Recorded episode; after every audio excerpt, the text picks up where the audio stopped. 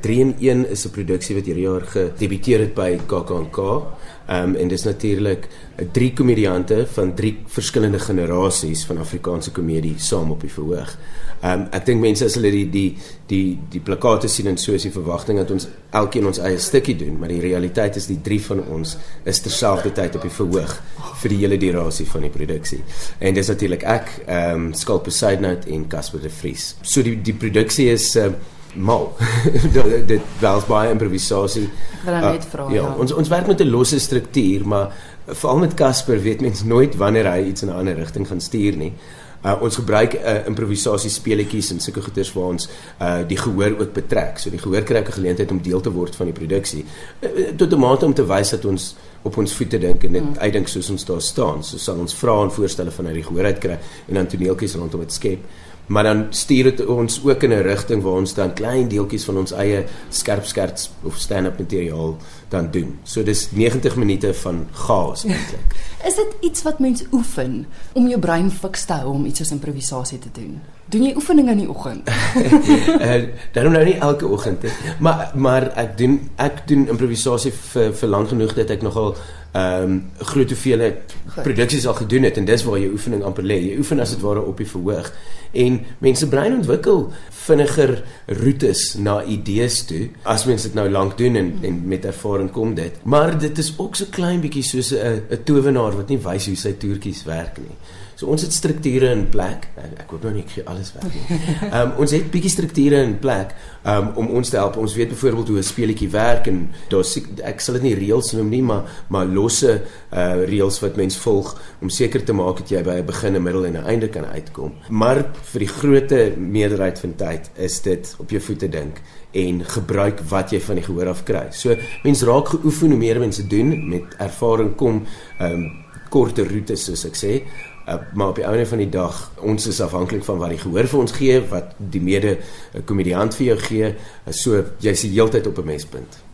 Is dit uitputtend om die heeltyd snaaks te wees of is jy eintlik ernstig? Ek dink is 'n vraag wat komediante dikwels uh, gevra word. Ek het nog altyd gedink my komiese persona is 'n uh, 'n vergrote weergawe van myself. Want dit uh, is 'n persona. dit is 'n persona. Ja. en dit is um, die beste komediante is die mees eerlike komediante. Maar as jy op 'n verhoog staan, vriende van my sê dikwels komedie is eintlik 'n baie arrogante medium. Want ek staan op 'n verhoog, man alleen met 'n mikrofoon in my hand en sê vir mense, luister na my stories oor myself. So dit is bietjie arrogant. Ehm, um, maar dis waar die persone inkom. Ja. Daai komedie persone het 'n duisend keer meer selfvertroue as wat ek as mens in my huisomgewing of in 'n sosiale omgewing het. So elke liewe persoon op aarde kan lag, kan huil, kan kwaad word. Daar's 'n daar's 'n spektrum van emosies wat ons almal deel. Ek het maar nou net gekies om daai persone wat selfvertroue het en dink oor die lewe op die verhoog te sit. So dis eintlik maar net 'n uitvloeisel van myself. Ja, toe jy nou 20 jaar terug drama studeer het, Het jy in jou lewe gedink dat dit die rigting is waarin jy gaan ingaan of het komedie nog altyd natuurlik vir jou gekom? Ek dink dit het, het redelik natuurlik vir my gekom wat daartoe gelei het dat ek die hele tyd in komiese produksies rolle gekry het. Toe ek begin drama swat het, was my idee om hierdie groot dramatiese akteur te wees en ek wil Hamlet speel. Maar niemand het my die kans gegee nie. Ehm um, ek's ehm um, ek's ek's nie 'n oil painting nie, ek's 'n oily painting. so ek ek was net nooit gekies as die die romantiese held nie.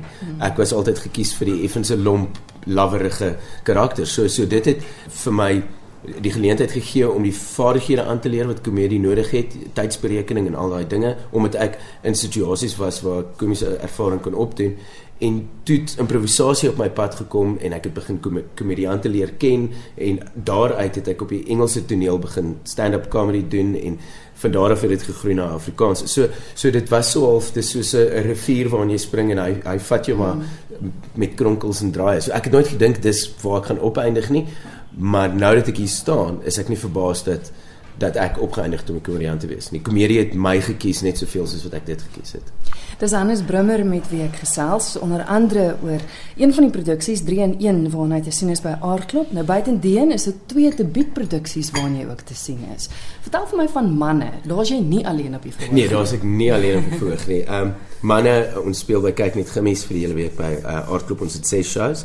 Dit is 'n uh, uit die pen van Chris Foster wat ook die regie doen en in die produksie speel. Nou, ek dink dis belangrik mense. Uh, Chris doen nogal gereeld eenmal vertonings en so, maar mense vergeet wat sy formidable speler hy is. Hy's regtig 'n wonderlike akteur.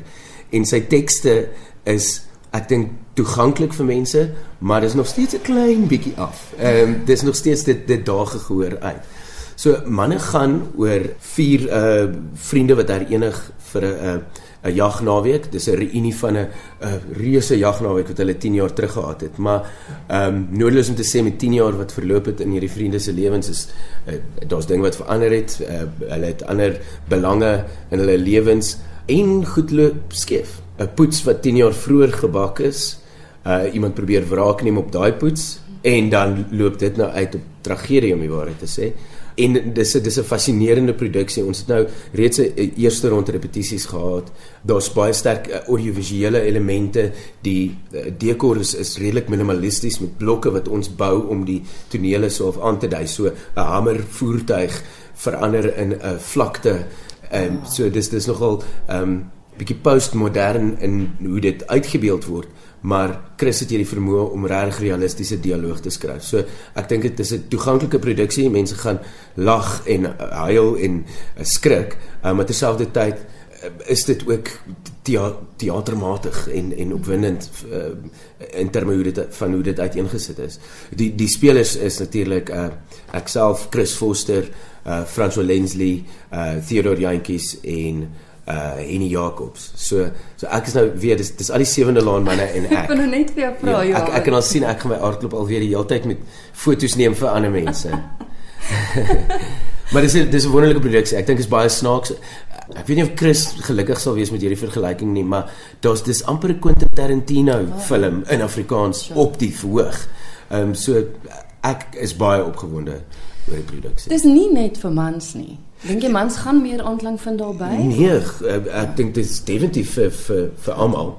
Daar daar is 'n ek dink as vrouens die produksie kom kyk, kan hulle lag vir die machoisme wat mans het en so of in hulle mougig of ja mans. Terwyl mans kan dit gaan kyk en dit is 'n goeie skopskiet en ehm um, seer kry.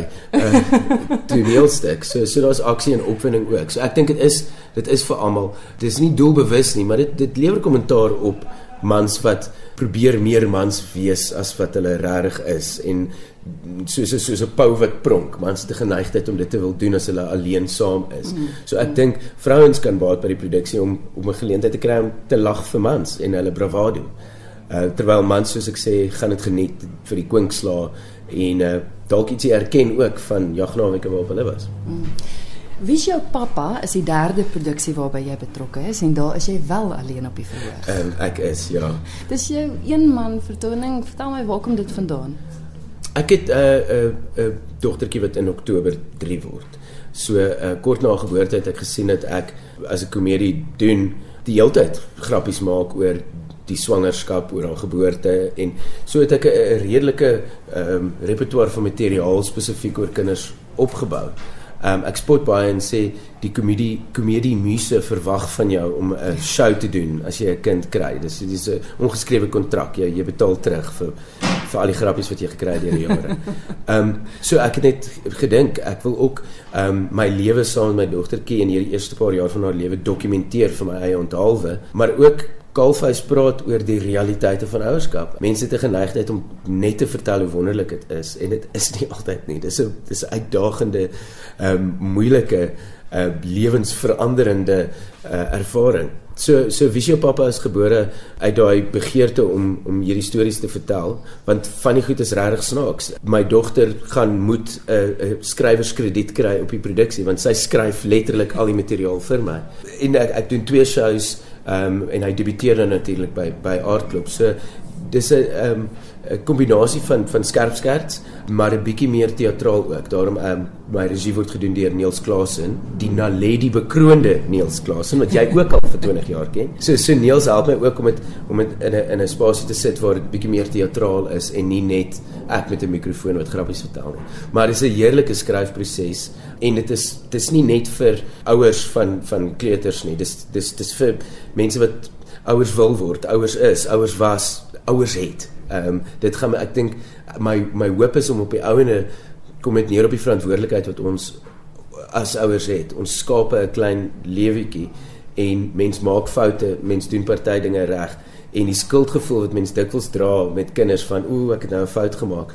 Mens moet dit erken en dit laat gaan en aanbeweeg want as jy as jy ophou ouers speel, dan gaan jou kind nadelig beïnvloed word. So so dit is ook daar's so lekker lewenslesie aan die einde glo ek wat veral gaan oor die idee van met klein voetjies kom maar groot skoene om vol te staan.